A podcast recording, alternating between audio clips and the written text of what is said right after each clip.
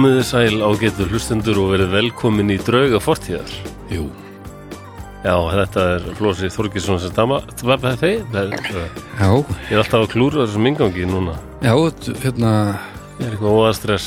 ég ítti alltaf á upptöku aðeins fyrir og núna svekki ég til þess að koma með uh, intro sko sem hljóðpröfu Jú, já, það var miklu betra sko og þá varstu bara svona í slagkarinn já, en uh, nú er þetta eitthvað stress.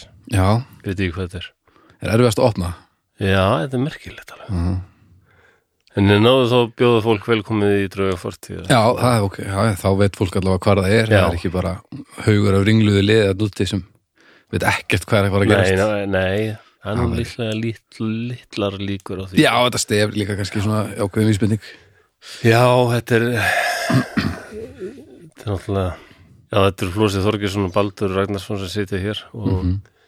Ég er náttúrulega alltaf því ég er komin í frí þá tekst mér að snúa sólarinu við þannig ég er búin að vera vakandi allan nótt. Við erum hérna að taka þetta upp að morgnin til. Ég er ekkit svona þreyttur að sifja sko, en hérna, svarstu ekkert eða? Nei, nei, Nei, nei, já.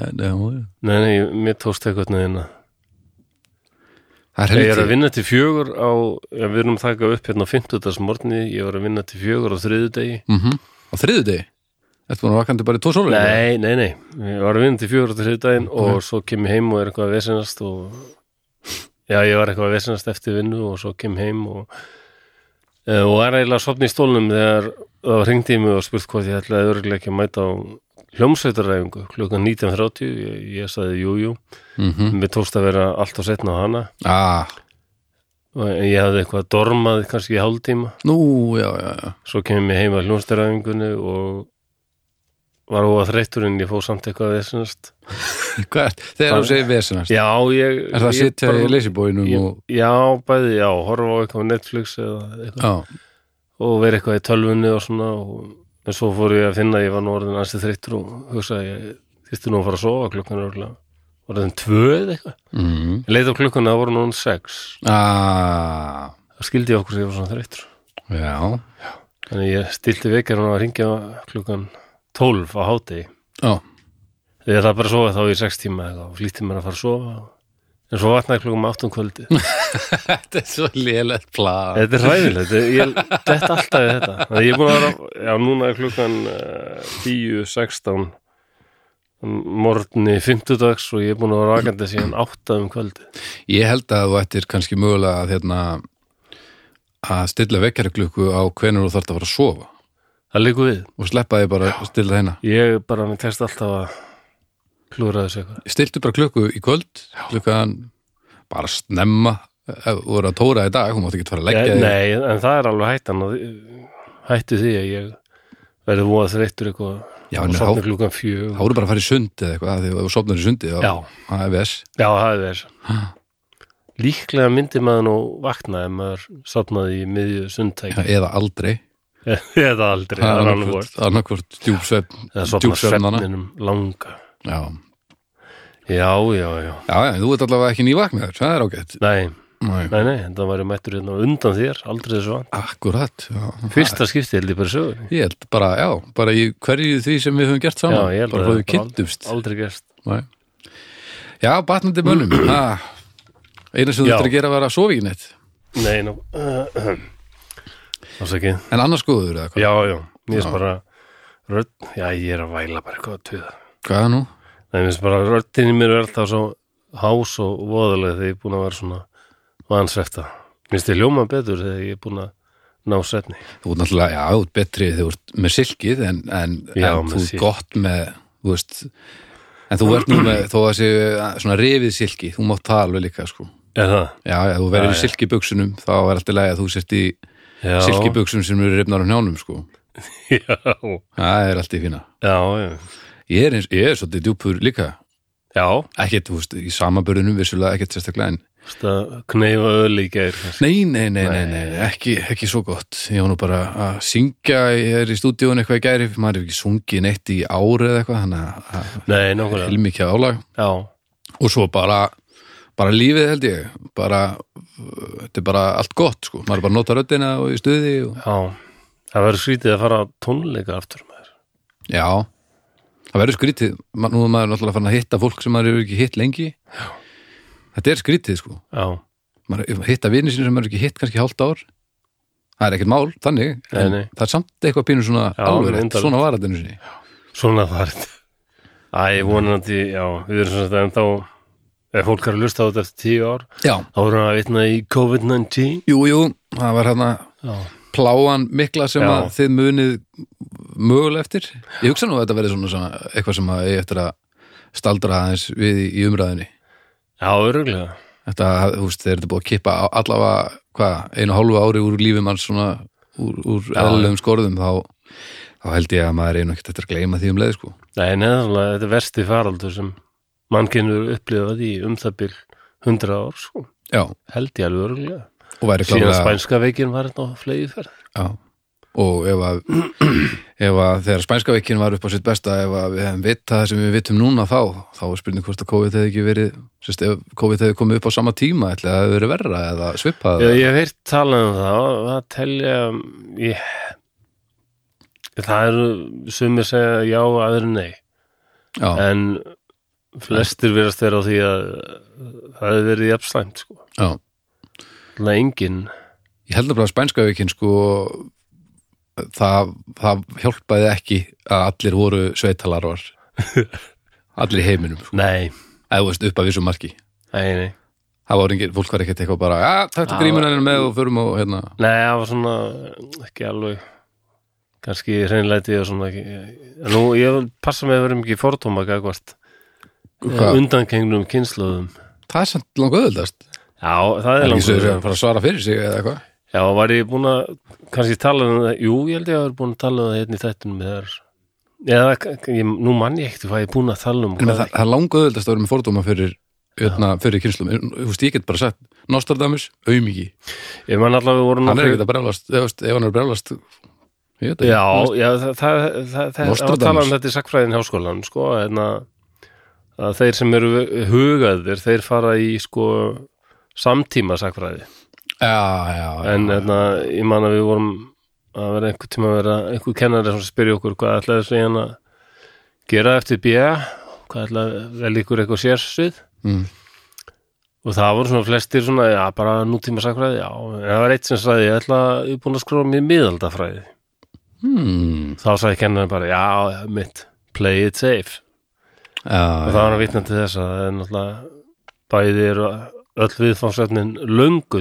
já, já, og allir afkomendur þetta er orðið svo Þetta ro- síðan. Nákvæmlega. Já, að það er erfitt að stuða einhvern. Nei, afkomandi einhvers prests í. Hörgardal árið 1460 ég bara sálmóðgæður ég var drulli. Nei, nei, það er lítið þannig, já. Því síðasta þætti voru tölum við um draflastaði og hérna, þeir eru svona ennþá til. Þeir eru til, já. Og við veitum hvað draflar eru núna. Já, hvað, ég, ég hérna uh, glemdi að lesa hvað Já. draflar voru. Það er sem sagt hérna ábristir. Eða hérna þetta, ég er svo lélugu sveitamöður uh, þetta sem er fleitt ofan af hérna rjómanum með mjölkinni já, já, já. Er sem á- er dálítið kaltæðinslega því að Tryggvi Emilsson lýsir því í fátætt fólk að það var alltaf borðað eitthvað svona gamalt. Það var ekki nema þarna heimasætan já, dóttir bóndans á draflastöðum sem fekk nýmjólk og smjör. Já, akkurat. Sem þótti þá greinlega mjög svona það var bara fl- flottasta liði sem fekk það sko. Já, það var gaman að henda þessum þætti lotið því að við Já. vissum ekkert nákvæmlega hvernig það myndi leggjast í fólk. Það sem að hann var óöfbundin og mjög langur og, og engin lestur svona eiginlegur með hljóðmynd og þannig sko Nei, En- ég var drullu stress, strullu, drullu stressaður. Já, yfir þessu? Já, ímsum hlutum bara. Já, ég meina, var, það ekki bara, var það ekki bara almennt og svo gerist var þetta? bara hvort þið, hvort þið mættum eitthvað að vera að lesa upp úr einhverju bók og svona en, Já, við, bara svo að það komið fram þá hérna eh, hafði ég sambandi við ritt höfundasambandið og, og hreinsaði upp hvort við værum að, að bróta einhver höfundar eh, rétt, eh, bróta, já, höfundaréttalög einhver. Og Já. það kom í ljós að, að við vorum ekki að því en við hvetjum ykkur að svolsögðu til þess að fara og, og finna þessa bók á Já. rafrænum formi. Mér skilst að hún sé ekki til frá Nei, útgáfun það vist ekki. En allavega ef þið finnið hann einhvers staðar bara endilega kaupa hana og, og þannig að þannig að, hérna, að, að hún sé Hún hreif, er á hljóðbók, skils mér. Já, Já, það er rétt að finna hana. Hún er allavega Storytel og, Já. og, potið nengstar annars það líka. Fótað fólk, þetta er Tryggvi Emilsson. Já, þannig að þið tekja á því. En hérna, það er alltaf gaman að heyra síðan fólk er að senda okkur um, senda okkur beiðnur með einhver efni að taka fyrir eða þá koma með einhver svona einhver aðtöðsendir að segja frá eigin upplifunum, það finnst mér alveg magna Já, og við líka köllum svolítið eftir því það er gaman að heyra frá fólki. Við erum búin að heyra frá fólki sem tengdist vísindakirkjunni. Já, uh, fólk sem OCD. glýmtið geðkvarfa síki já. Geðkvarf, OCD, já, hérna áráttu og, og þráhyggjur öskun, Röskun, já. Siðblindu, síðblindu, já, það var nú magnað að heyra frá já, heldur betur. manni sem telur hann sem er síðblindu eða svona nar narcissistic Já. personality disorder. En rosalega meðvitaður já, og bara í vinnunni við að laga. sem er greinilega alveg bara aðalmálið í þessu öllu sko. Já, að vera með þetta sko. En hvað, var að bætast í já, Nú, ég fekk aldrei skemmtileg þetta magnuðu skilabóð þegar við vorum með þátt hérna um hann Phineas Gage sem hlaut heilaskaða. Já. Þá bara heyrði ég frá manneski sem hefur upplifað það. Glæsilegt. Það er alveg bara svakalegar lýsingar. Ég vissi ekki til dæmis að það væri til sko samtök Ok, sem hérna heitir hugarfar og er að svona einmitt líka að reyna að vinna vitundarvækningu í samfélaginu. Er það þá samtök fólk, fólk sem sem hefur orðið fyrir heilaskap orðið fyrir heilaskaði Hugarfar, frábært nafn. Það er frábært nátt Já, það er það sko en þessi manneski sagði mér hún hlaut sem sagt heilaskaða. Mm. en það er hérna sko erfitt að fá hann oft grindan þrátt fyrir að fólk kannski sýnir þess alveg merki að það sé eitthvað meiri áttar að. Mm. en eh, ef mynd sýnir að það er engin blæðing í heilanum þá er bara eins og fólk getur lent á milli stafs og bryggju. Já, það þarf að þetta er bara já, eins og að, að fara fyrir rétt það þurfa bara að vera grótara sannanir fyrir já það Já. er með hennar stimpil sko. Ok, um, ég á nú svon sem er með, já, greindur með einhverfu, en hann er svona ódæmigerð einhverfa. Já, það var daldið vesinn manni að sko að fá almennlega já, já. greiningu, Ma- þá fann maður fyrir þessu bara það þarf hennar stimpil til að komast inn í kerfið. Kerfið er bara svona stíft og bara, En, það þessi, stendur ekki bara greindur með einhverfu frá lækni, þá bara er þetta daldið vesinn en er það er kerfið bara betur sett að frekar greina ekki einstaklinga sem getur með þetta frekar en að greina einstaklinga með eitthvað sem þeir eru ekki með. Er það bara, er verið að tryggja sig þannig? pæling sko. Auðvitað er, er það örglega líka að baki þessu að Það veist ekki að mér það þá geti svona kæru kærumagnið orðið svona snarhækkað Já, þá er já, búið að greina mig með einhver djöfilinn og svo kemur Já. ljósa að það væri ekki sko. og svo er fólk örglega bara hrætt við að íþingja þessu kerfi sem er náttúrulega Já, sem er orðið sem, sem er illt í njánum þegar. Já, nákvæmlega. Mm. en þetta, þessi mannski segir mér að vangreining á heilaskaði er víst mjög algeng og, og það sé rannsóknir síni að sjálfsvíkstíðinni innan meðal fólk sem er hlotið he, einhvern heilaskaði er há okay. og það getur oft verið sko misnótkun áfengis og vímöfna getur fyllt þessu Já. en svo hún, hún sko hún segir að um, lendi slisi fyrir heilaskaða en í já, vel eitt til tvö ár er hún hreinlega sko veit ekkit hvað er að. Nei. finnur bara að það er eitthvað rosalega mikið að. Mm. og til dæmis öll, tilf, öll tilfinning fyrir tímanum hverfur, Já, algjörlega. Uh, hún gæti ekki greint hvort það liðin klukkutími eða tíu mínútur. Já, vá. Já, nákvæmlega, Vá, hvað er óþægilegt. Sko það er bara svona væg lýsing á þessu vist og um, síþreita og hérna svona nátt- náttúrulega eins og eins og hérna oft er með eitthvað svona, er eitthvað svona erfið þá kvíðin og þunglindi alveg sæta færis Já, já koma sér í svona fólk sko. Já, eðlilega Um, við höfum að upplifa stjórnleysi og Já, og verið í sk- skóla var á skólaaldri þetta gerðist og hérna það bara hrundi allt sko. Bara var ekki lengur hún gæti ekki lesið eina setningu og hvað þá munað neitt sko. Nei. og verst sýnist með vera sko Var þetta einhvers konar slís? Eða, Já, það var slys. Já, ok. og hérna minnið mjög lélegt og orðaforðin vestnar og hérna þetta lítur að vömmulega lýsingar sem er sérstaklega sko að vita ekki Já, ekki var ekki alveg viss sko hvað var að valda þessu Nei, nákvæmlega. af því að að farið í hérna verið tekkað á henni Já. en læknar sá ekkert að heila hann sko. Vera með ákveði vopnabúr og vita hvernig maður er, eitthvað kemur upp á og allt í nær maður ekki eins og maður á að sér að vera já, og það getur enginn staðfest það af hverju. Helt, þetta lítur að ríkalegt. já þetta, er, þetta er mjög erfið sko, hún segir ég vissi ekki hver ég var lengur og misti allt álit á sjálfur mér Já. Æ, nú þetta finnst mér mjög erfitt að heyra en eins og með Finnea Skate sem hérna, hún var líst þannig að einmitt svona framhelarskaði að sko, allt í nú var hann að blóta og bölva og hérna, Já, engar hömlur sko, hömlurnar eru þannig í framhelanum já, hún lýsið líka þessi manneskja að það er svona hömluleysi sko. já, það var engin filter. Nei. bara hún hugsaði eitthvað ákveðið og þá bara sagði hún það.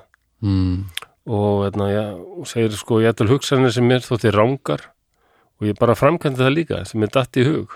Já, já, þá náttúrulega því fylgdi bara algjör einangrun. Já, og bara Akkurat. missa marga vini. Og þá hún, hún segir sko einangrun er það versta. Því þá, þá bara sitja þunglindið og kvíðin um þig. Ég mm tengi nú alveg við það sko. Já, akkurat. með, með þessar lýsingar finnst mér ég nú bara vera bara eitthvað að væla sko Já, kvíða sko. Það fyrir bara eftir í það, maður á ekki með þessi við vandamálana það, nei, reyndar ekki. Það að einhver annar eigi, eigi sé að, að díla við eitthvað sem er mjög, mjög erfitt því er ekki að, að þú getur ekki verið að díla eitthvað sem er erfitt. Nei, nei, en ég var að, að ég var að lesa um ungan mann sem, ég man ekki hvað hann getur reyndar, sem nýlega fjall frá. Mm. um, og hann var fættur með eitthvað sjúkdóm þannig að hann var fastuð í hjólastól en það er samt náða að afrega svo rosalega mikið, ég held að hann hafði ekki verið orðin Já. en það er að vestar sem fólk gerir fyrir fólk hérna, sem er með þunglindi eitthvað, er benda á eitthvað svona fólk Já, þessu honum með alls ekki sann komst yfir Já, já, þessar já. hindranir það hjálpar bara ekki neitt, þvert á móti Akkurat, akkurat. það eina sem maður fyrir að hugsa það er bara, vá, hvað þessi maður með þessa föllun hann let ekkert stoppa sig og ég er hérna bara með margar guðskjafir og samt kem ég engu í verk og bara sem, sem er ekki það sem að viðkomandi var að Nei. reyna að koma um kring. Bara, þetta svona einhverja fyrirmyndir eða víti til varnar ég hef takmarka trú á því sko. Já, mann því ég vann á spítalanum og þar voru stúlkur með hérna anorexju, einhvern tíma var ég hérna látin sitja með þeim og horfa okkur mynd um einhverja stúlku sem var með anorexju og þetta átti að vera eitthvað svona einhver læknir sem held að þetta getur verið með heppilegt fyrir þær og það myndu bara hægt að vera já, já, já, já, með já. átröskun eða þær horfðu bara okkur mynd um einhverja stelp í útlöndu sem er með átröskun. Þetta, já, það er um þetta, þannig sem þetta virkar ekki? Og ég sem náttúrulega bara þunglindur og alki, ég hugsaði, þetta er ekkit að fara að virka maður. Ég man að ekkit var að maður sá okkur myndir um einhverja eitilega notendur já, mann langaði bara meiri en nákvæmlega. ég var alltaf þannig. Bara, bara bandamenn? Já, ég, þetta hefði engin áhrif sko. ég man að ég horfði á Kristjani F og ég var aldrei spenntu fyrir heroin í langan tíma sko. maður þyrst að prófa þetta.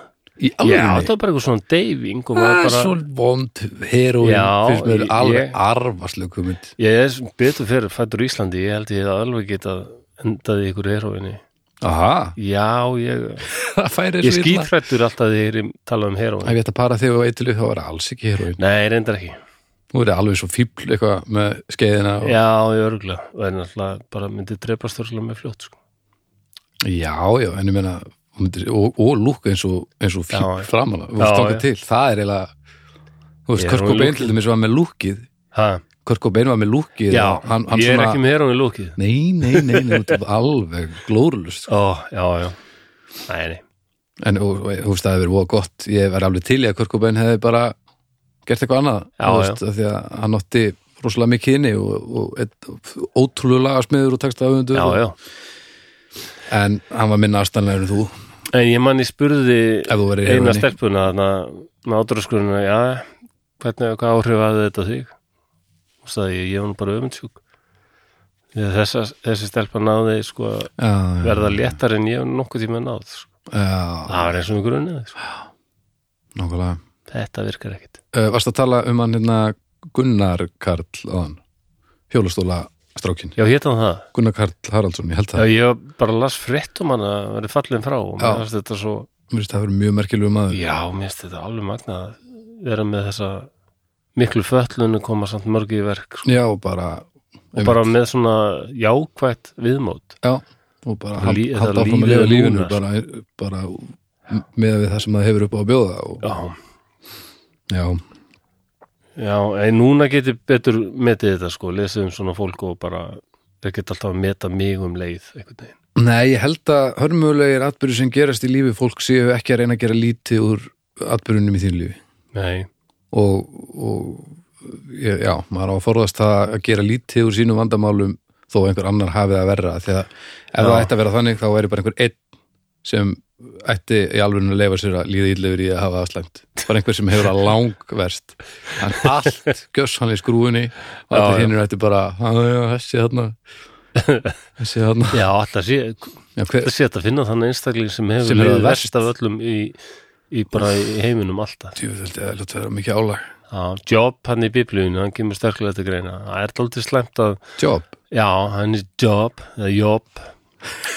Það er klikkuð saga. þarna. byrjaði strax með nafngiftinni þá bara fór allt nýr á því Já, já, það er æðislega það er æðislega saga sko. það er, hérna, hann var mjög trú guðhrættur og hérna, já, og Guð hitti einhver tíman hitti einhver tíman djöfulinn og það já. því að þeir eru nú mjög kollegar og, tókuðu tal saman og Guð spyr hérna djöfulinn, þetta er í biblíunni í alvörinni Guð spyr djöfulinn, að hvað ertu búin að vera að bartúsa?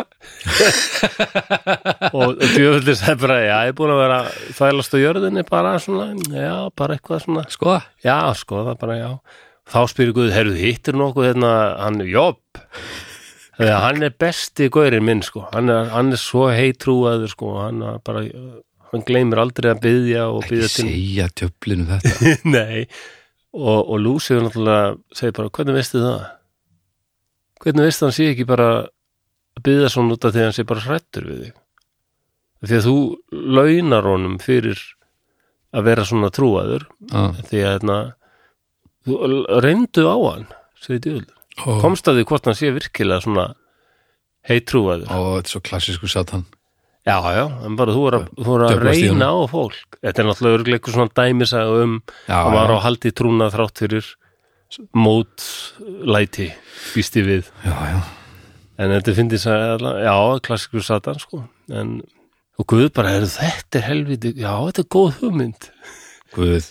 Og hann alveg oh. Það, það er svo rosalega lýsingar og allt sem vond er til. Æ, nei. Jú, jú, það er bara húðin steipist út í einhverjum svona kaunum og blæðandi sárum og allir yfirgefa hann og uppskeran breg, bregst og það er allt ræðilegt og Jobb er eiginlega alveg, alveg komin að því að missa trúnaðili alveg á síðustu sí, hann er á síðustu drópunum En skrítið En hann heldur áfram bara að byrja til Guðs þáttur að hann getur valla gengið og bara sér hann blindur og ég man ekki hvað Sér þetta var. hvað ég var löngu hættur Já, já, Og og þá er Guð svona, já, ok, heyrðu, ég er búin að þessu, ég var bara að tjekka á þér, þú heldur góður. Ég bara, ég, ég bara aldar tánum Já, alltaf. Jöfusis Ó, Þetta er dóltið fyndið sagða. Þetta hefur örugglega fólki fyrir 2000 árum, þóttu svolítið fallir sagða. já, já, þetta maður borgaði sig Já, já, Já, hann fór, var á núlpunti svo Já, tók við uh, Truno og þá var hann settur langt niður fyrir núlpunt og svo lent hann aftur á núlpunti af því að hann, já. þetta er góð dill þetta er mjög góð dill En hún segir mér þessi mannskja þarna með he- heilaskaðan að það, sko, einhver taugafrumur hafi orðið fyrir skemmtum mm -hmm. svo það voru þessi svona tengingar sem voru ónýtar Ok, en, en heilin getur lagað þetta, það tekur bara tíma sko. Já. og hún henni fór að batna það fór, Ok. það fór að skána henni sko. Já. um, og hérna, tímaskinnið kom til dæmis tilbaka en það er ennþá aðteglisbrestur já, og ennþá taldi þreita og hérna, hömluleið sér lagaði staðin sko. okay. en, en hún, hún segir sko að þunglindi og kvíðin er alveg búin að það er, það er náttúrulega alveg það er bara svo rosaleg sníkjutýr ég kannast það bara við það sjálfur. Maður veit að maður er eins og ég líst hérna bara að ég veit ég er þunglindur núna. Mm. ég veit að kvíðin er núna að plaga mig og bara ég veit að þá lítur þetta að fara. Nei, Nei, þetta er bara hangir bara. Já, þetta er eins og maður sem búin að skera sig í fingurinn. Ég veit að ég er með sár á fingurinn núna ve- vellur blóð út úr því. Já, og það er nóg já, En ég gerir mig grein fyrir því. Var sérst einhvern er sérst einhvern tímann uh, staðfest uh, fekk við komandi einhvern tímann staðfestingu á já, ég skilja það þannig sko. Já, ok.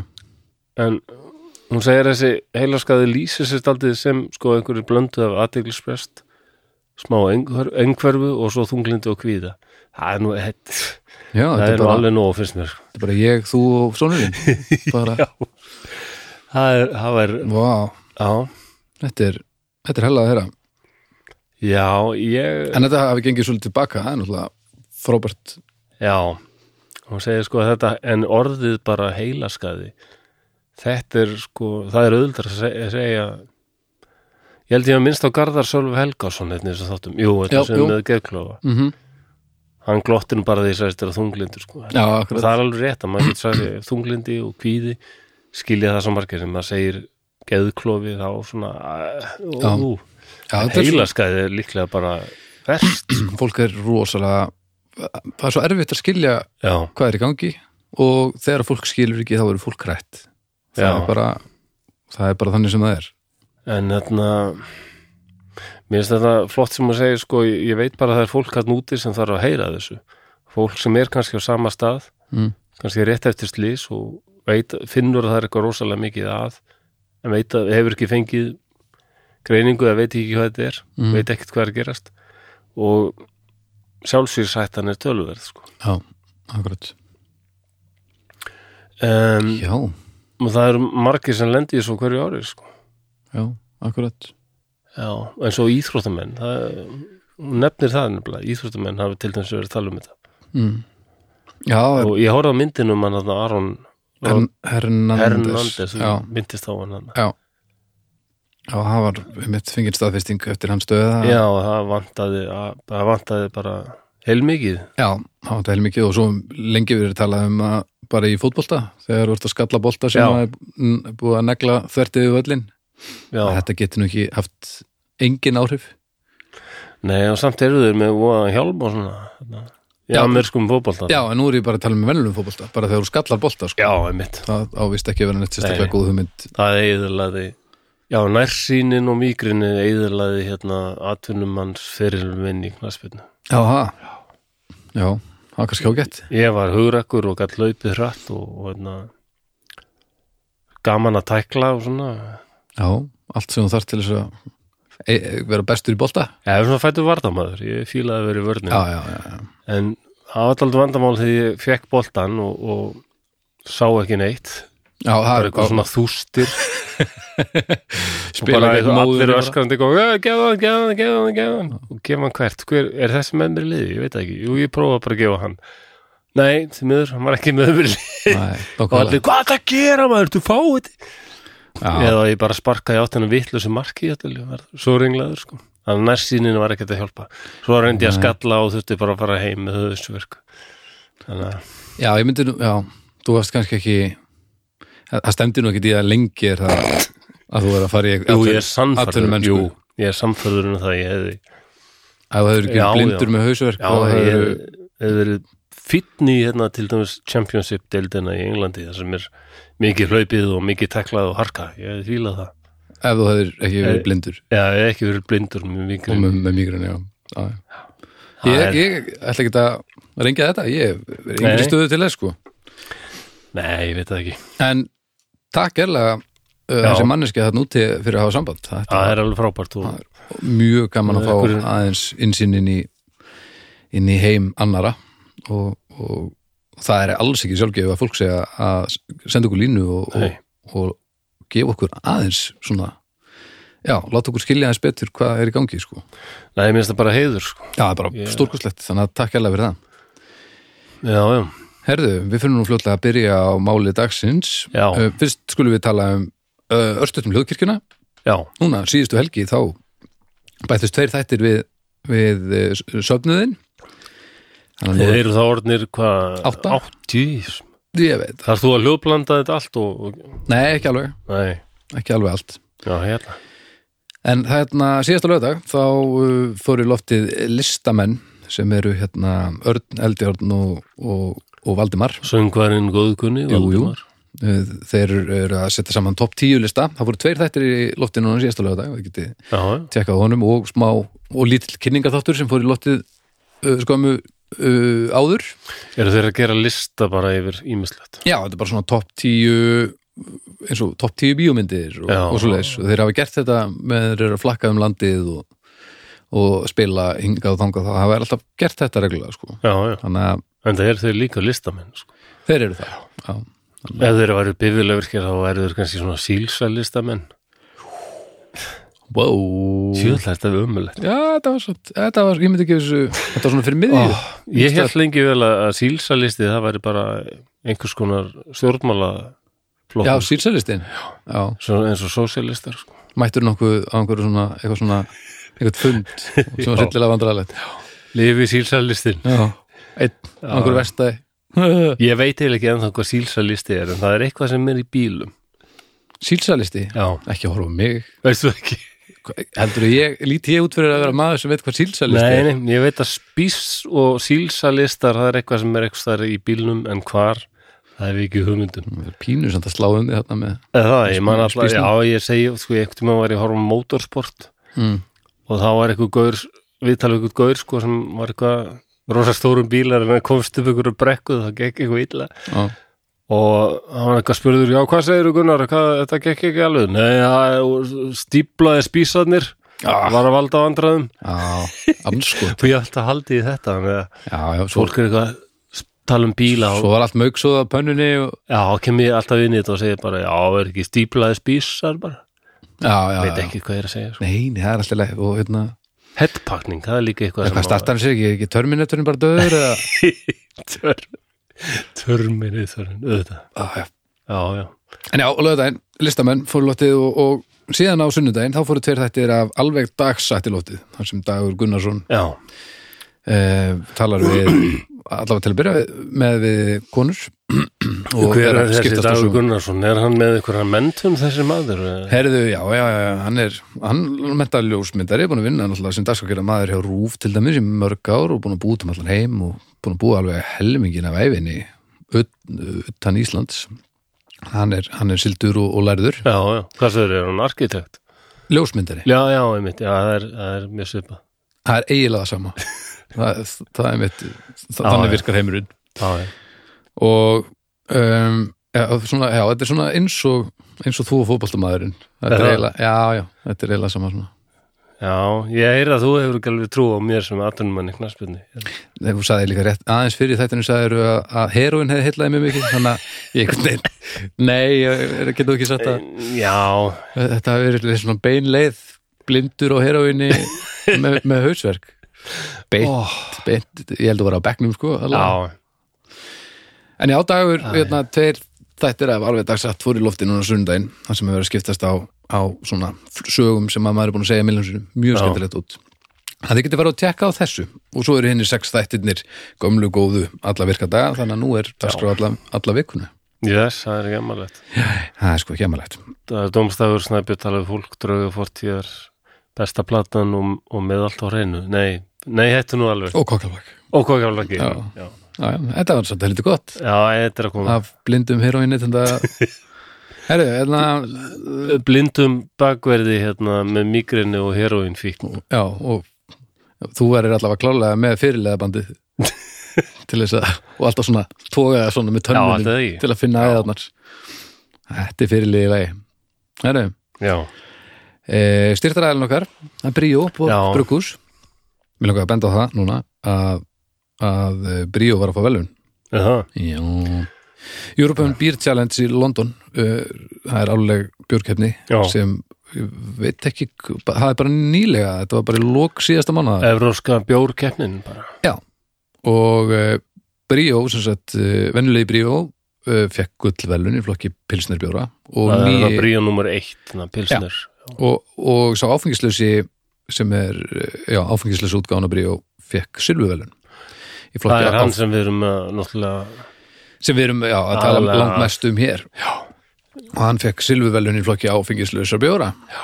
Og þetta er sagt, já, þetta er það er glæslegt þetta er sagt, það verið að verðluna fyrir síðast ár. Já, við viljum náttúrulega að sjálfsögðu bara úrska bríó fólkinu öllu bæði borg og, og ölstofunni og, og öllum til hafingjum þetta. Þetta er náttúrulega, já þetta er þetta er glæslegt Þetta er bara, þannig eru, þannig eru bara sannar að eh, það er silfur í útlöndum að hlýtur að vera eitthvað í þetta spunnið. Já ég meina þetta er, þannig er verið spil í úrvarslild í alvörinni, já, ekki Já, í alvöru já, það, það er bara svo leiðis þannig að þetta er stórkostlegt og bara einmitt staðfesting á því sem við erum búin að segja þetta að þetta, þetta er ekki bara gott af því að af því að við erum hérna eitthvað á einhverju lítill eigi þetta, þetta er bara á heimsklassa. Það bara er svoleiðis.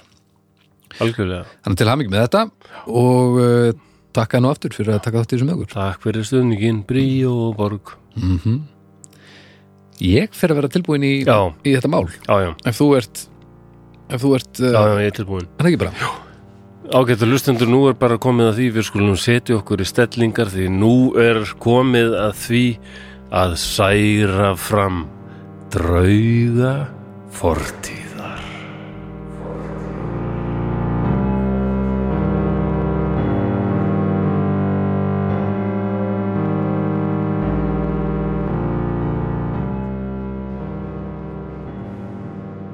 Ég á heima í hverfi sem kallast Norður Endi.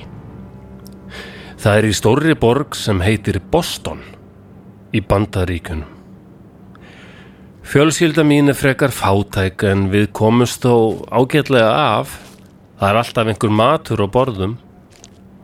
Ég er farin að hjálpa til við ímisverk, enda orðin tíu ára gamall og vonandi fæ ég fljótlega alvöru vinnu svo ég geti hjálpað til við heimilisreksturinn. En það er ekki mikið um atfinnu. Einhver staðar langt í burtu, á stað sem heitir Evrópa, var voða mikið stríð.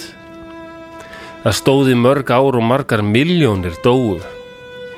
Elsti bróðir minn fór í það stríð og er tiltölulega nýkomin heim.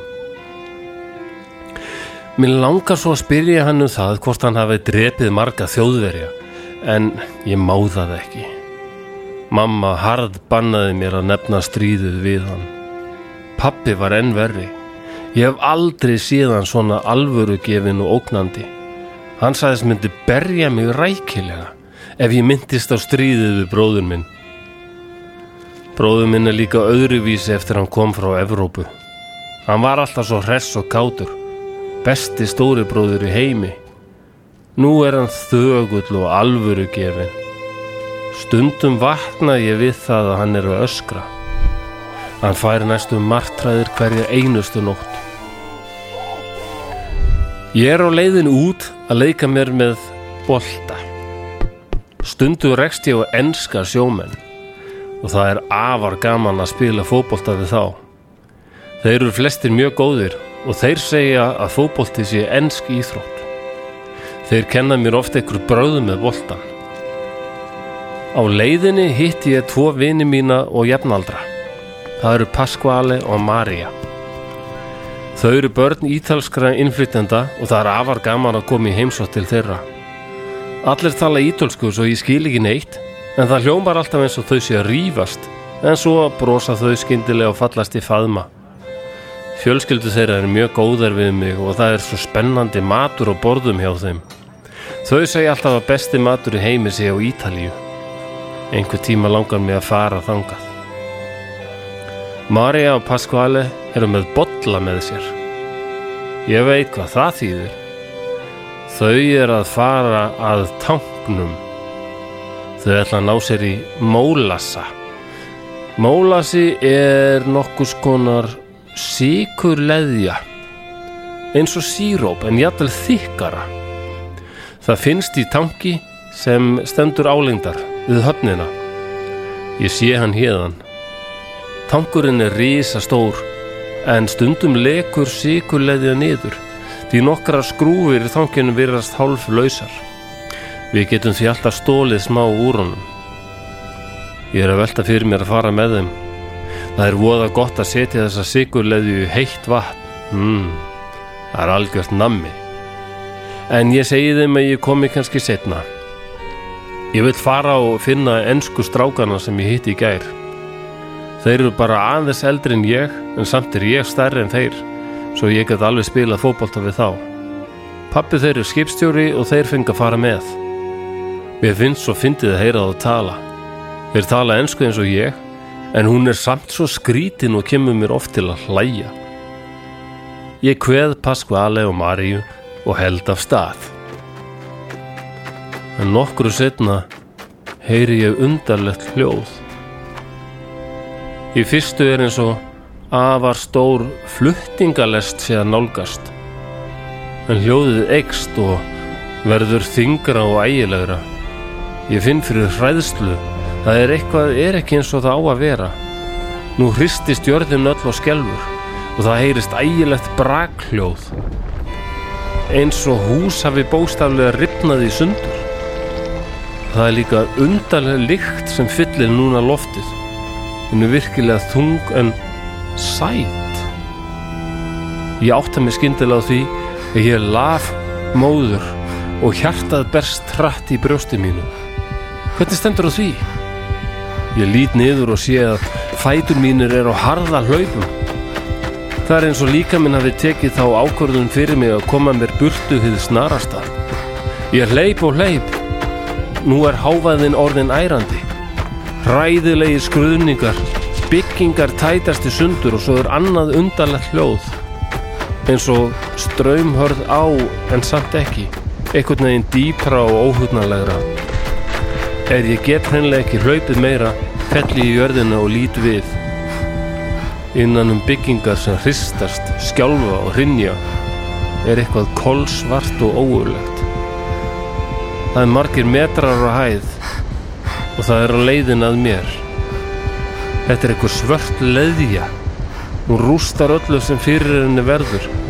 Ég sé fólk á harða hlaupum en leðjan skellur á þeim og þau hverfa Nú stefnir hún að mér á ógulegum hraða.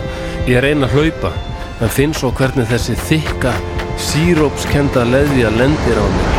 Hún hendir mér niður og ég hverf inn í hana. Ég reyna að haldi mér andanum. Þessi viðbjóður fyrir inn í nef og reynir að þrýsta sér inn í munnin. Og lókum get ég ekki meira. Ég opna munnin örlítið og hann fyllist að þessu skelvelega efni sem er sætt á bræðið en svo þungt að ég get mig hvergi hreift Ég held ég sé að deyja. Ég fyllist einhverjum friði og langar mest að sopna núna í þessu sætkenda og klístruða sírópsfeni. Skyndilega finn ég einhverju hreyfingu. Það er tókað fast í handleikin á mér. Ég brýst út úr leðjunni og byrja strax að kúast og reyna að anda. Leðjan virðist hafa stöðvast en næri mér samt næstum upp að mitti. Tveir sjómenn hafa komið mér til bjargar. Það eru englendingarnir sem voru að kenna mér fókbólta fyrir nokkrum dögum. Þeir eru útataðir í síkuleiðunni. Hún er svo þykk að það er, það er varlega að reyfa sig. Englendingarnir fylgja mér áleiðis heim en fara svo að hjálpa til. Það er eigðilegging allstaðar. Hús, hrunin, loftið er þrungið sætkendri mollu og þessi eðja eða leðja er allstaðar. Er ég er að koma heim, kemur fadir minn auð á mig. Hann öskrar upp og byrjar að gráta. Ég hef aldrei séð hann gráta áður.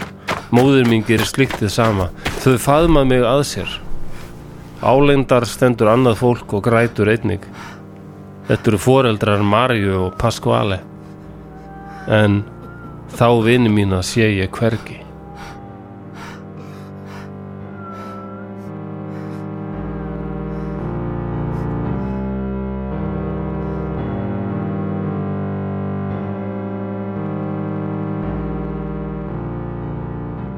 Og þá er Flósi hættur þessum lestri, særingum er lokið. Við snúum okkur aftur að raunveruleikanum og komumst aðtugum hvort að Baldur Rætarsson hafi einhverju hugmyndum hverju ég er að lýsa hér. Ég veit sérska hverju voru þetta að lýsa en ég þekki atbyrjun ekki. En er, er eitthvað hert um þetta? Nei, ég bara minnist þess ekki. Boston, Já. Rétt eftir stríð. já, Já, þetta er nánatiltekið, er þetta 1919? nei, og Þetta bara þekki þessi bara strákur sem ég er að búa til hana hann er bara mín. Ég bjó hann til og fjö- fjölskyldu hans og, og hérna bróður hans í stríðinu þetta bara át að þetta var rétt eftir. Þú erum ekki svona gammal. rétt eftir. Nei, ég bjó hann ekki þannig til, ég bjó hann til í haustum á mér. Já, ég er með ímyndunar mér sterkasta aflið í skroknum. já, já, Já, skilji. við liðin á minninu Svo, Já, já, en. Paskvali og Marja þau þau voru. til Okay. þau voru tíu ára þau dóu þarna Já. Hvað sagður að þessu, þetta héti? Ma Mólas, Mólas. E- Molasses molasses. já, þetta er bara The Great Molasses Flood á, á ensku eða líka kallað Boston Molasses Disaster eða The Great Boston Molasses Flood. Ég þekki þetta, já, ha, ég þekki þetta bara null. Ég þekki, ég, Já, ég, það- mér líður eins og ég hef aldrei heyrt um þetta. þetta er alveg magnað dæmi sko. Já, um, ég hef nefnilega ímyndað mér þetta. Hvernig ætla sé að detta ofin eins og ég sagði á þann þá verið mýmdurafl. Og ég hef einhvern tímann sko að einhvern tímann því var mist síróp gott. En það er þygt já. og einhvern tímann hugsaði mér hvað ef maður lendir ofin í tanki fullum af sírópi hvað, Þú gerir voða lítið held ég. já ég held að maður get ekkit synd eða reynt. Nei, nei, þú, ert ekki, haggast ekki. nei og veist, ekki maður- vissi ég þá að það hefur hreinlega orðið sko flóð, sírópsflóð Nei. Þetta er bara Þetta síróp bara síróp, basically. Já, molasses er sem sagt hérna um, það er svona er líka kallað melassi eða mólassi á íslensku. Mm. en það er síróp sem verður til þegar sigur er unnin úr sigur, reyr rásigrið, eitthvað svoleiðis. Mm um, og hérna það er yfirlt mjög dögt næstuði svart, ægilega þykkt. Já, og er oft sko látið gerðjast held ég til þess að búa til etanól. Mm. sem er síðan notað í alkohólíska drikki já, en líka út af því að um, við erum að tala um stríðið þá er þetta sko það, það er vist etanól er heilmikið notað í skotvopna eða hérna, springi hérna framlýslu já. ekki veit ég alveg nákvæmlega hvaða hlutur ekki gegnir en það er það. Nei. og þarna í Boston þar var sko mól, þessi mólasi Mm uh, dælt upp úr skipum og hérna og geimt þarna í tanki hjá þessu fyrirtæki sem hétt í skemmtilega nafni Purity Purity, já, reynlæti ok, rólegir. já, en það kom, kom á daginn að það var ekki sko en þetta gerist 15. janúar 1919 Heita í Purity og vera með klístruasta Já. business allra tíma.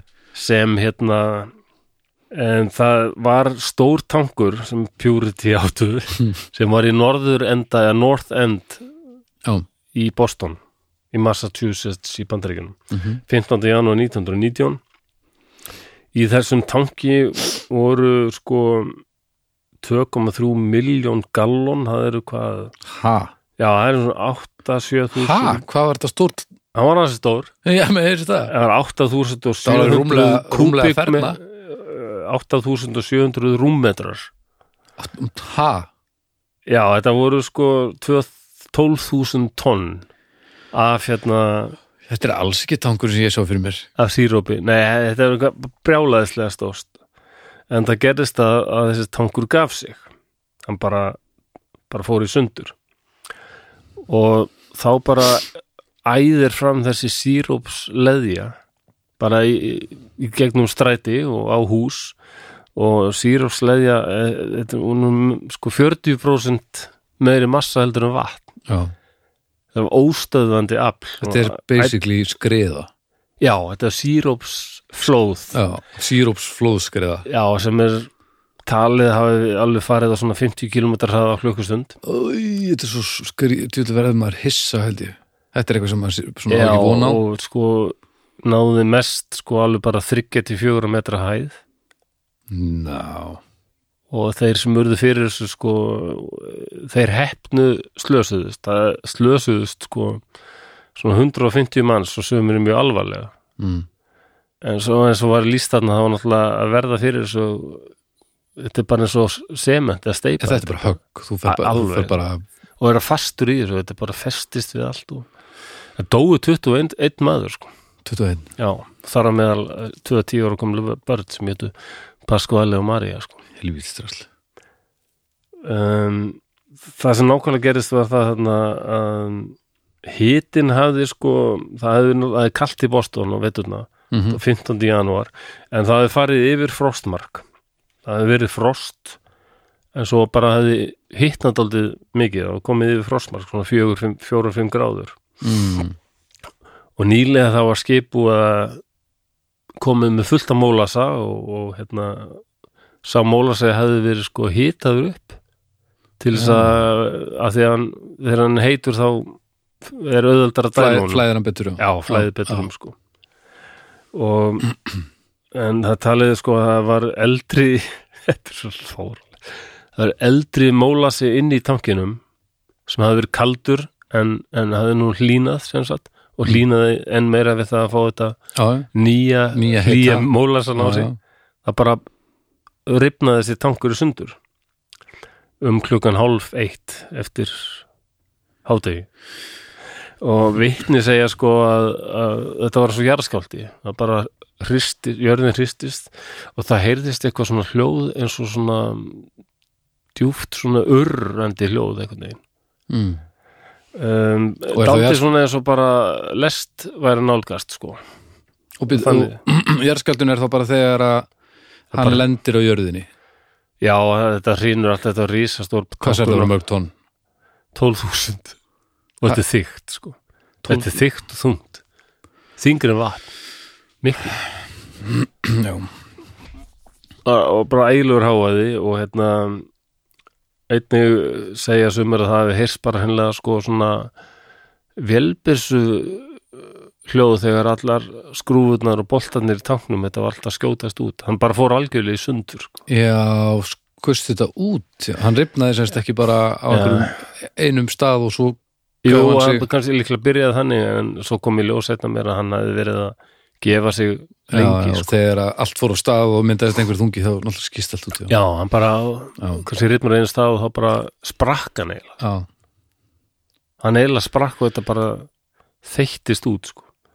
En uh, lýsing sjónavotta sem ég leiði mér að þýða fer Já. hér eftir. ok Mittistjúpur mólassi þakti allt strætið.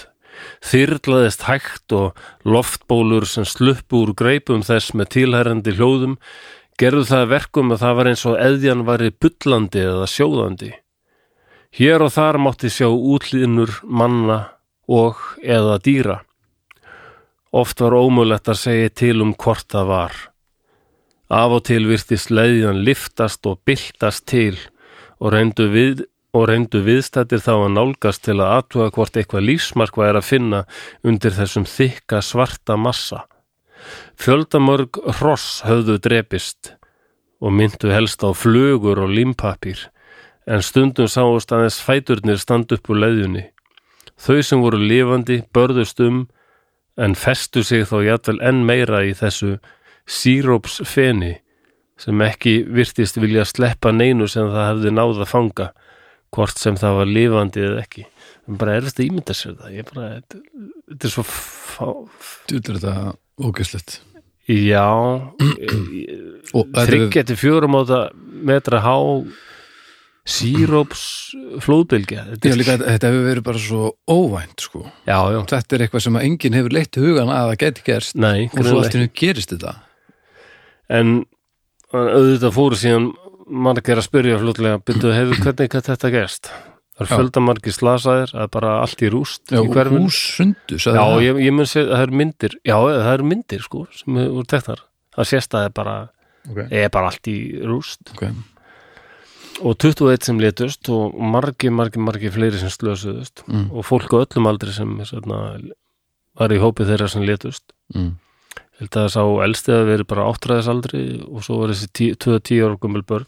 Já. en það hafði, eins og ég var lýsarni í byrjunin, það krakkar hefðu stundum sko verið að fara þarna með bolla af því að það hefði já, lekið. Já, já, á það liti kynna að hann var farin að gefa sig sko. Um, nú fyrirtæki var fljótt að koma með skýringu af því hvað þið gerst. Þetta var hriðverk þarna 1919 þá var aldrei sko að voru setna mér voru bandrækjumenn og var hrættu við kommunista en þarna voru þið að hrættu við anarkista. Já. að mondu gæðinir sko þeir voru að já. drepa rúsneska keisara og gera alls þess óskunda í, í Evrópu, Evrópu. Sprengja upp sírúpstanga Já, þetta þessu sko að út af því að sem móla sig meðalans notaður í svona skotfæra framleiðslu já, þá hefðu anarkistarnir örgulega sko sprengt tankin ok. Og önnur kenning var svo að, að mólasin hefði bara um, gerjast svo svakalega að það hefði bara orðið eitthvað svona sprenging inn í honum sko. já, já, já, en svo kom náttúrulega í ljós hvað var að. Það var þessi tankur var bara drastl já, uh, alveg frá byrjun sko. Eh, þau voru að flýta sér svo mikið þarna 1915 þá hérna stríði byrjað og bara ég selja skotfæri. Og hún vant að fullta mólasa búið til etanól meiri Mm. mólasa, fullta mólasa ei, mólasi þetta er íslit orð. Um, þannig að það var þessi tankur, hún var bara hend upp. Bara sett í hratt árið bara einhvern- 1915 já, bara svona hendi tank já, fyrir 12.000 tonn af, af sírúpi og þetta hefur verið rannsakað uh, setna meir líka sko, verið að pæla í þessu slísi og alltaf hann var alltof hann var alltof þunnir veggirnir í hennum sko. Já, og stálið sem var notað í hann var alls ekki nógu gott til þess að þóla þennan trillta þunga. Og var einhver sem vissi þetta þegar þetta var leiðin upp? Já, góð spurning sko.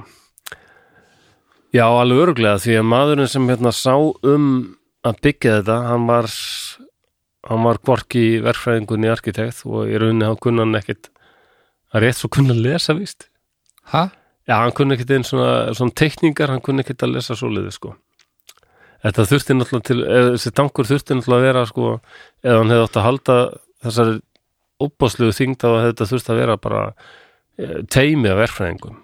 Já, sem átt að hanna sérstakann það er tank fyrir náttúrulega þurft að vera óendanlega stór og þungur. Og, og bara sér hannaður og bara nei, nei, það var bara hendu upp einhverju. Og svo kom við ljós einna meira að fyrirtækið það ekki, hefði ekki haft fyrir því að eins og ráðfæra sig við eitt verkfræðing. Hvort þetta er þetta ekki lægi shit, drullu pelarur Já, hann segði þeir gerðu þeir hendu bara upp risastórum tanki eins hratt og eins ódýrt og mögulegt var. Fuck. Sleftu því alveg að kanna eitthvað og, eða testa tankin voru, og en, vonuðu bara að þetta myndi svona halda sér. En voru sírúpstangar á, á, á þessu kaliberi var þetta eitthvað þing annars í heiminum eða? það er góð spurning, ég veit það ekki. Ég að viðkynna það. Eða var þetta bara, ég en veit ég gerir nú ráð fyrir því að mólasi sé nú unnin annar staðar sko en þetta var Þetta er greinilega það var hlaðið allt og mikið í Já, þennan þetta er bara svo yfir gengileg aðgerð. Já, og ég ekki- ég hljómar fa- bara svo ég fann ekkit um eitthvað svona ál, álíka slis sko Nei. neins þar annars og að endanum þá var hérna náungi sem heit Ogden hann var hérna ráðinn bara af hérna hæstaréttinum í Massachusetts til að rannsaka þetta. Ok, og hann, það tók hann alveg sex ár mm. og hann gerði það bara mjög vel sko hérna, á skilaðan skýrslu. Og hann endaði því að tala við 3000 manns og skrá niður bara vitnisspurð allra. Þannig að það er alveg til heilmikið af lýsingum á þessu. Og hann náttúrulega komst að þeirri niðurstu sem kannski er augljóst að það voru engir anarkistar heldur þetta þetta var allt fyrirtækjun að kenna þetta bara var eins og við erum að segja hérna Já, þetta var já. bara það var náttúrulega bara algjör glæpur bara peningagrækin yfir tók allt annað. Og endanum þurfti fyrirtæki að borga 7000 dollara. Held ég alveg örgulega í peningum sko á, á það, hvað er ég að reyna að segja? Á þáverandi gengi, gengi, sem um töluvert. Til, til fjölskyldu hver aldra þeirra sem létust. Ok, 7000 á mann? Uh, nei, bara til, fyrir hverja fjölskyldu. Já, ok, Já, fyrir sem alltaf eins og ég skilja þannig sko, ég las það nú að ennsku sko já, Já. það var 7000 to the dólar family of each victim Já, 7000 ok, já, dollara. já, um, þetta, og þannig að þetta verið svona að vera alveg eitthvað hræðilegur atbyrðu sem hefði átt að vera að koma í veg fyrir já, já, en við skulum benda reyna að sk- skoða eitthvað jákvætt sem kom út úr já, Já, eins og ve- oft verða með svona slís þá fyrir fólk að hugsa hvernig getum við komið veg fyrir að svona gerist aftur. já Já, þetta var þeirlega til þess að Massachusetts reða á vaðið og s- setti í lög að svona allar svona byggingar eða svona tankar eða eitthvað svona Já. Það yrðu sko verkfræðingar og arkitektar að skoða og þetta yrði að verða já, eins og við þekkjum bara í dag meina, en þarna, þarna var það litið lög og síðan fylgdu fleiri fylgi í kjölfærið og já, já, já, þannig að úr einhverju slæmu kemur kannski eitthvað gott sko. Já, ég meina, fókt að þurfi sírópsflóð til þess að koma þessu í Næ, ég meina að það þarf alltaf eitthvað hörmulegt að gerast til þess að þessi því Jú, jú um, Djúvill hefur verið leiðilegt Bustið frá því náttúrulega hvað hefur verið hörmulegt að, að, að hérna, koma að þessum 21 sem letust í þessu flóði. Já, Hvað heldur að, að bærin hafi verið klístraði lengi? herðu, gott um minnist að það því að það, ég las það nefnilega um þetta í nokkra áratögi Já, og eftir þá segir fólk að það hefði alltaf mátt finna svona sættalegt Já, svona sætan ódöun samt. Svona Vá. þunga svona sæta líkt í þessu hverfi. Og svona og að labba á göttunni Já, lengi vel að þetta var rosa Þetta er svona eins og búa uppi á gömlu allugunni Já, vá. Skóritnir fastir eftir Má snilt. hvað ég fæ mikið flashback núna að segja þetta, það er rétt maður. Já. Það var oft klístrað Það var bara erfitt að dansa þar stundum að... Það var ekki alveg sætur döð Nei, það var alveg rosalega staður það var ekki glæsilegt. Það var gaman. Það var ekki gaman að vera edrú maður. Nei, það var ógeðslega gaman Já, fyrir gluggunum sko, svo kom maður út klukkan 5 um morgunin, bjart samt. Já, og þá fattaði maður hvað allir að manni sjálfur meðtöldum voru ógeðslega, ógeðslega, ógeðslegir. Já, já Nú, hún fattar það Já, kannski- já, kemur út í dagspyrtunum Það er bara, bara, já, já, einmitt. Allir gjössanlega eins og skrimsli sko.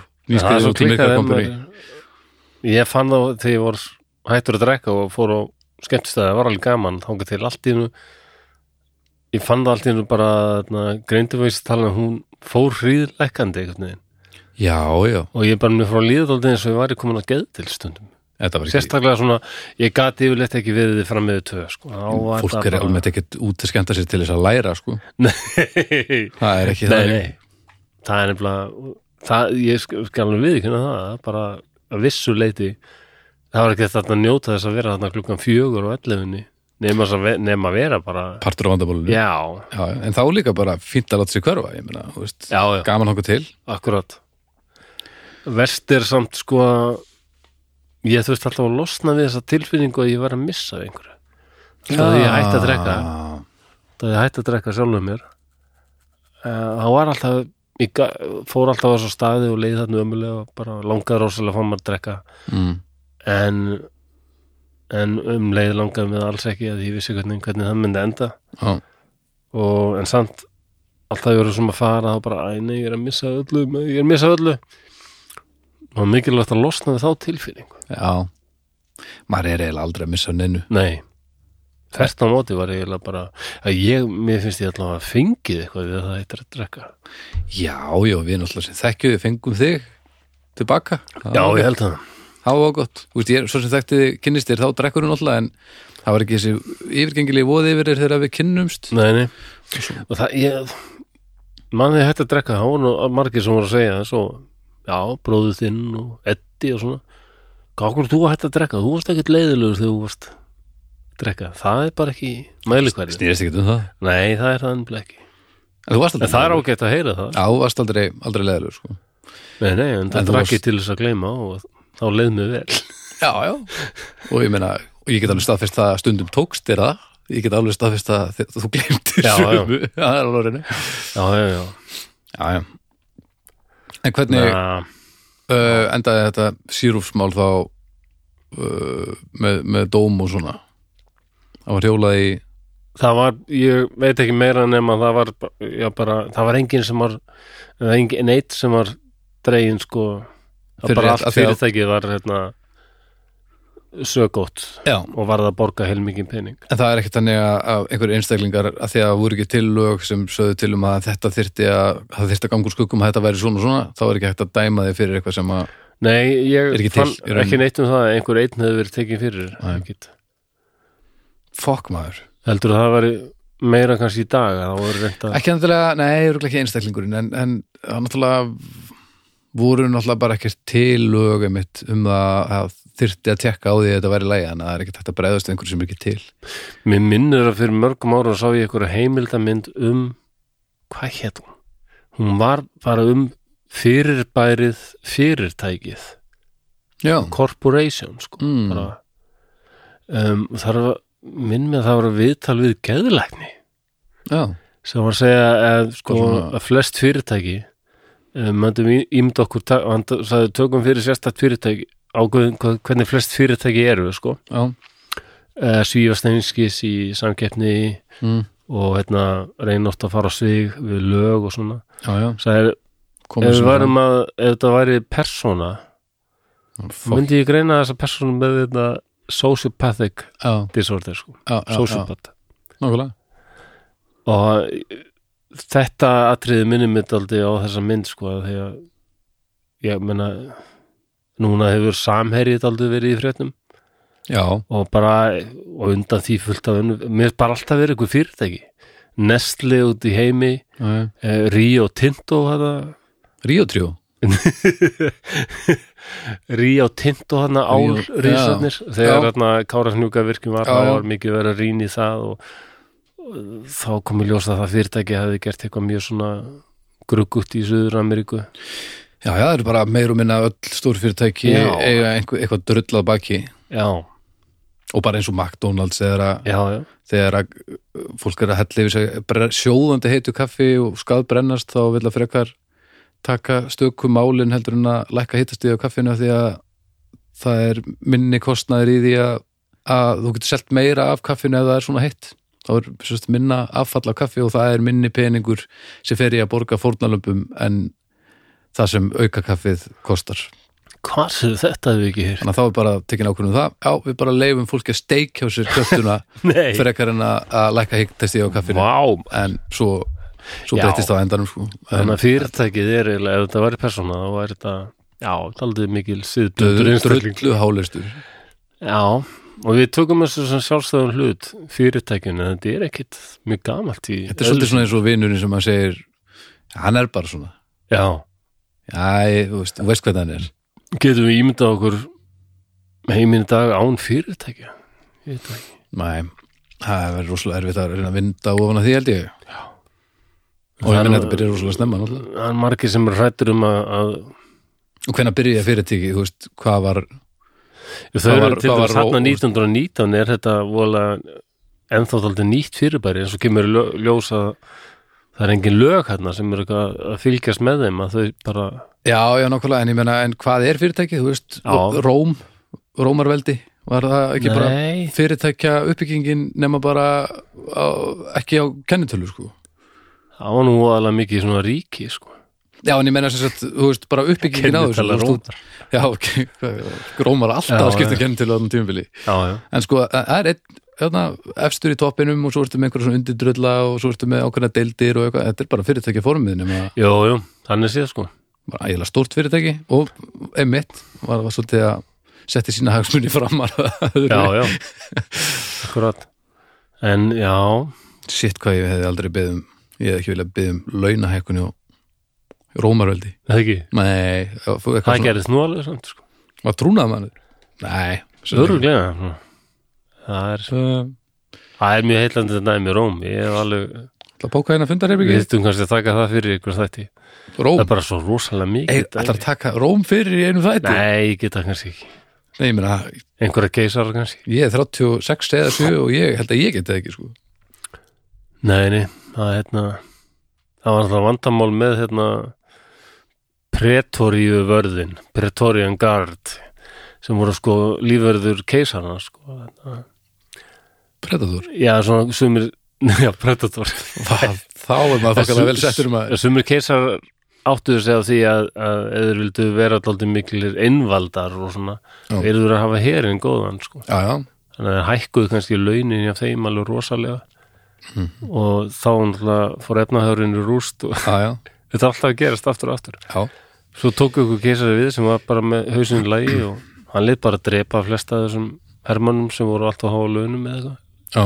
eða bara breytið þessu einhvern veginn og var rétt svo múin að koma öllu gott lag þegar hann veiktist eða var tekinn af lífi já, já.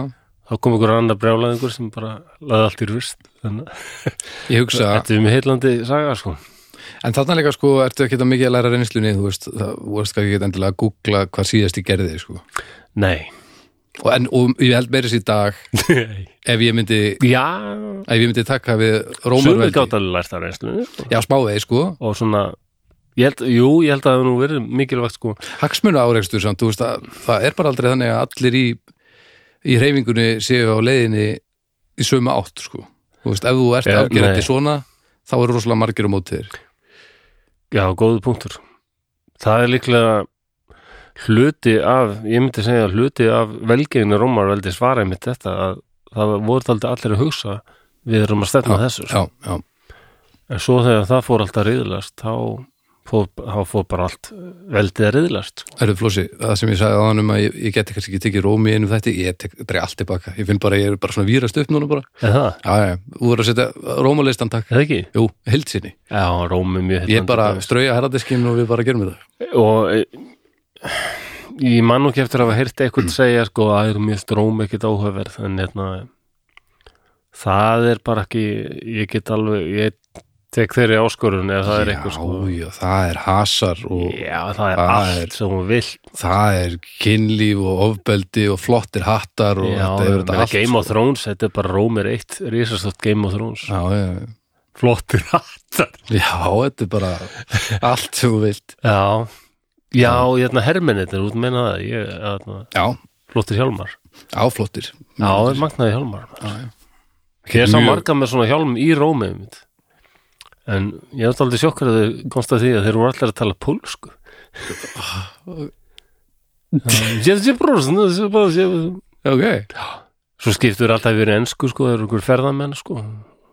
Þetta voru alltaf ykkur pólverjar í rómverjar búningum sem voru svona að stilla sér upp með túristum sko Já, ok. Nei, það voru mjög flottir sko Ó, já, þú varst bara að segja sögu. Ég var bara að býða til fimmurnum. Já, nei, nei Já, þetta var- nei, já, þetta- já, þetta já, var já, þegar ég já, var í nú skil ég. Já, ok. Kringum kólisöfum sko, þá var þarna, já, mikið af svona gaurum í Já, rámverja búningum sko. já, já, já. Er ekki að, ég Ég enginn þeirra á Ítali sko. ég kom með þar tvisar og hvort skiptið var, var þannig, sko.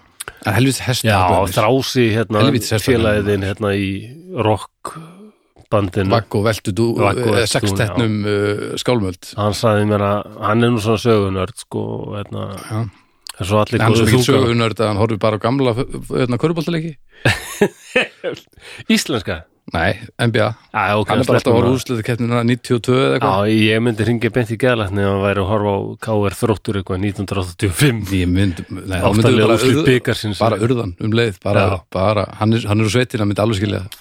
NBA, já, það, jú, ég get alveg skilja það ef hann er að horfa á gull gullöldina hérna Þetta er- 94-5 Ég held samt að þessi sagfræði á hugin líka, sko? Ég meina, hann er alltaf að horfa eitthvað sem hann veit hvernig fer, sem snýst um, Ég horfa gamla fótboltaleiki sko. hversu, ok.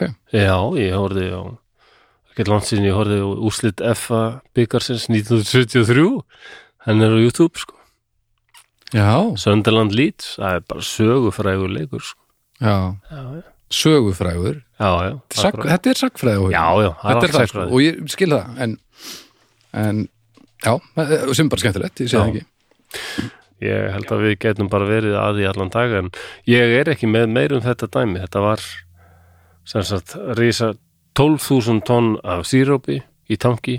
12.000 tonn Já. af sírúpi Tankurinn sprakk og sírópið þeyttist um stræti Bostonborgar, drap 21, Já. særði að minnstakosti 150 eða slasaði meina og suma alvarlega, bara örkumluðust. Mhm.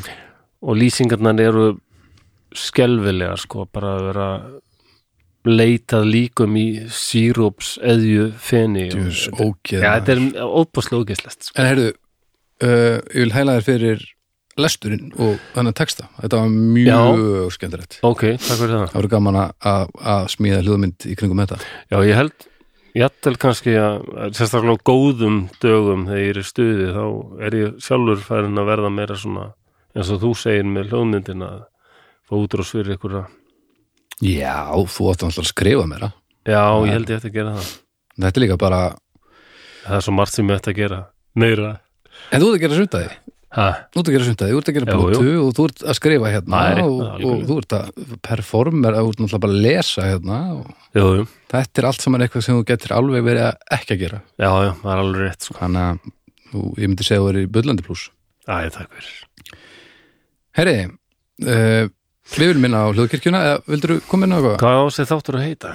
Síróp döðans eða sírópsflóðið mikla eða sikurleðju flóðið mikla Sírópsflóðið mikla er gott. Já, ekki síróp döðans Sírópdöð, hans er náttúrulega bara Síróp og neyðaróp það? wow. Já. Neyðaróp og síróp Nei, neyðar síróp uh, eða það, sírópsflóðið? Sírópsflóðið mikla, ég er hefina því. Ekki, ekki sikurleðju flóðið Nei, það En hvað, Sikurleðju hvað var aftur hérna hitt orðið yfir Mólasi. Já, mólasa, mólasa flóðið mikla MM og svo. Já, og þá veit fólk hið ekki mikla alveg hvað er. mólasaflóð. Hið mikla mólasa flóð en það ekki, um, þú meldir þetta? Uh, Já, mann mannslátt og mólasa. Nei. Já, þú finnur út úr þessu. Við viljum minna á hljóðkirkjuna. Tekja endilega á þessum tveimur nýju þáttum sem fóru í loftinu núna síðastliðina helgi ef þið eru að hlusta á þetta rundtíma Já, dagsatt. Alveg dagsatt. Alveg dagsatt og og listamenn, listamenn, já. listamenn á, á lögdögum og alveg dagsatt á sundum og svo alla hinna dagana erum við með hérna þess að þetta, það er Dómstæður, Kokkaflakk það er uh, Draugafortíðan og miðgutum það er Snæpitala við fólk, Besta platan og Nei hættunarlag mm Þetta er orðið held ykkur í þetta. þrjusu gott. Já, þetta er fullt, fullt, af, fullt af dóti. Já. Við viljum þakka Bríó og Borg uh, kærlega fyrir hjálpina. Uh, við varum ekki að gera þetta við varum ekki að, ennþá að gera þess að þetta ef ekki væri fyrir styrtaræðalina sem Nei. verið með okkur. Þannig að takk kærlega fyrir það. Alveg. Eitthvað að lokum? Nei, nei, nei. Bara lifið í lukku en ekki í sírópskrukku. Oh my god. Ró, já, já. Já þetta var nú ekki. Give him enough rope er plata með hérna klass. Hún ætti nú kannski að hitta bara give him enough syrup Nei, nú er ég bara að reyna. Nú er ég bara að reyna hérna. mm. þetta pressan er komin. Já, ég er mitt, já, þetta er eins að reyna. Þú, maður sér hvernig þú stípnar upp sko.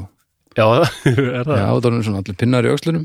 Já, hvort ég það er er að koma með fimmur hvort þú hefði kannski bara gott að kíkja þannig ég er búin að heyra að rópjóka verið gott en sírópjóka geti kannski verið eitthvað sem að sírópjóka Ég er með reynda með draum sko Ég fór á svona kalla ó nei, Ég klíst, fór- klístraði draumur Ég fór að kalla jóka námskeið Kallajóga? Jókastúdíu ánænustu sem alveg kallajóka, sagður það? Já um, Ég hefði alveg farið nokkra jókatíma en svo var svona kalla jóka námskeið og ég bara ákvaða Hverju grettur þig? kallajóka er bara pínu svona flósadjús, ég fæ þannig væp.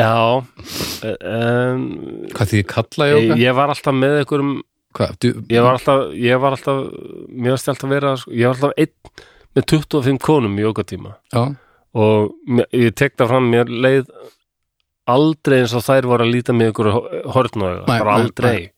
þvert á móti. En þarna ég, það var eitthvað vandræðilegt samt. Já, og vinkunum mín sem jókakennari, hún sagði að þetta er bara algengt, kartmenn finna fyrir þessu. Já, já, og ekki síst út af því að þarna voru sko konur sem voru bara eldri en ég. Og ég ætla vel í holdum sko, en þær voru svo miklu liður já, já. því konur eru bara oft stoltið liður og ég kannski heldur um karlmenn. Og jóga. Karlmenn eru kannski liður en ég því ég er alveg ótrúlegu spýtukall sko. en kalla jóga hljómaður samt eitthvað hvað, þú veist, eru að, aðra stellingar eða? Nei, nei, og svo förum bara- við, svo bara slökum okkur við slökum okkur hérna upp í, upp í só, og stöðu sófans. í kennarinn stöðu sófans. Og svo slökum okkur í stöðu þess Já, já. sem setur ekki vélina. Og svo beint í stöðu fimmunar. Já, já, jú, jú, eitthvað svona, jú, jú. Mm. tökum hérna nettan sílsælista í lokin nákvæmlega og stíplaða spísstellingin og tjakka. Og motorsport. og, og tjakka og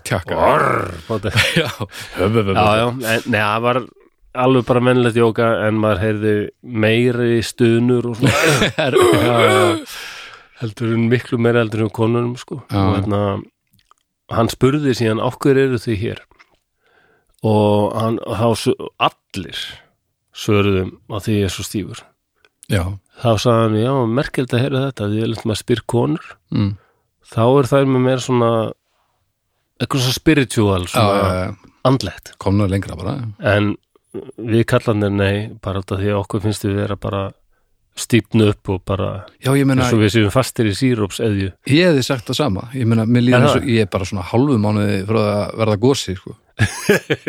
stundum já, þetta er eitthvað en ég sagði unkonum minni sem jókukennari að ég skammaðist mér dálítið fyrir þetta en mér leiði alltaf svona undarlega að vera eini kallmaðurinn í já, já, með 25 konum og það er bara, hún sagði að vera leðilegt já, og ég tek aftur fram að bara konuna voru aldrei með neina Nei, nei, Aldrei. gerist, gerist í haustum á þeir bara, já, já, þetta, já, já. og mér fannst aldrei þægilega að vera með köllunum sko, þannig ég var alveg til að vera sér kalla jókatíma, já, líka bara alltaf frábært þegar maður er að sjúa sér raskat í einhverju að því maður getur ekki neitt þá er alltaf gott að þessi einhver annar að gera það líka. Já, einmitt, leiti aldrei eins og ég var í ok, það var kannski skrúldið skringil orðað að þegar fólk þekkir ekki þá að sjúa sér raskat til þess að bara orðatiltæki sem vinahópurinn notar yfir Já, að er vera, ógeðslegt. vera lélugur í einhverju. Új, bara. Ég fatt að bara, því ég heyrði mig segja þetta upp þá bara, vá, hvað þetta getur ekki verið að skila sér til alltaf Nú veit ég ekki hvort þú klippur Nei, kemur, ljós. En, ja, Þetta er ógeðslegt. Já, þetta er líka ekki bókstaflegt. Nei, nei, Nei, en fyrir því þá okkur sem ekkert- allt í þá þyrfti myndum maður ekki að fara í kalla jóga en maður geti gert þetta bókstaflega. Fyrir okkur sem hugsum allt í myndum þá bara kemur strax myndu Ég gleymi því alltaf. Hörmulegt fyrir, því, fyrir þig að vera vinu minn og hugsa allt í myndum. Það er ekki gott. Nei, þetta er ekki alltaf sko. Álag já, já, okkur fór ég að tala um jóka ah, Já, það var sérst, ég sagði húnum frá draumum mínum þegar ég alltaf verið með alveg, ég dýrka einn ákveðin indverskan guð eða gyðju. Já, og hef gert frá því ég var lítill og sá einhverja bómynd sem hétt hvort það var Jason and the Argonauts eða Ferðir Sindbads eða eitthvað. Ok. En það var allavega einhver galdrakarl sem hérna hlifti lífi í styttu af gyðjunni Kali Kali? Já, sem er hérna svakaleg gyðja, hún er með sko átta hendur, Já, heldur eða sverðunum í öllum höndum. Ok, brjáluð já, nema einn hendina heldur hún allavega á nokkrum hausum. Já, Já, og svo dansar hún á hún ste- stendur á einu fæti ofan á einhverjum haus einhverjum kalli, þetta er hún bara geðja dauðans. Í En líka Og ekki um leið að fara er hún- sérstaklega leint með það Nei, hún er, hún er svakalega, svona blá og með tungunu úti og bara kúl. já. Ég er mjög hrætt við hana en leið heitlaður af henni. Ok. Að mér langaði með svona kali-jóka Já, bara bara að spila svona þung black metal tónlist.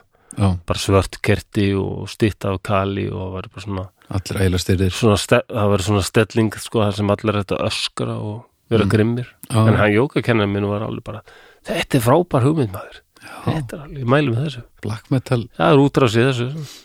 Svo bara málaru þá í bandinu og já, í hérna. Allir eru með face það verður með facepaint sko. Já, já.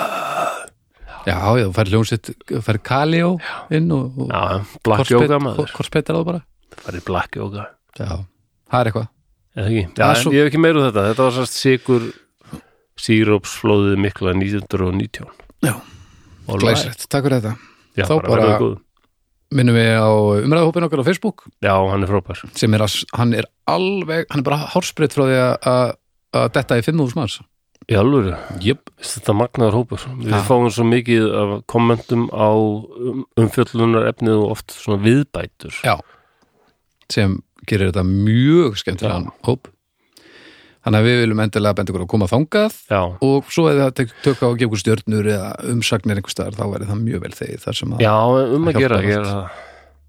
Og svo bara segja ömmu og afa og, og þeim sem þið þekkið Já, frá þessu og jafnvel aðstofa fólk sem e, veit, það eru margir sem reynilega veit ekki hvernig þeir, þeir eru að nálga slaðvörp og þetta er einfalt fyrir okkur sem uh, skiljum þetta. Já og það tekur ekki langan tíma að útskýra þetta fyrir fólki og getur opnaka alveg bara risastóra heima. Þannig að þið hafið það í huga það er ekki sjálfgefið að fólk kunni á þetta.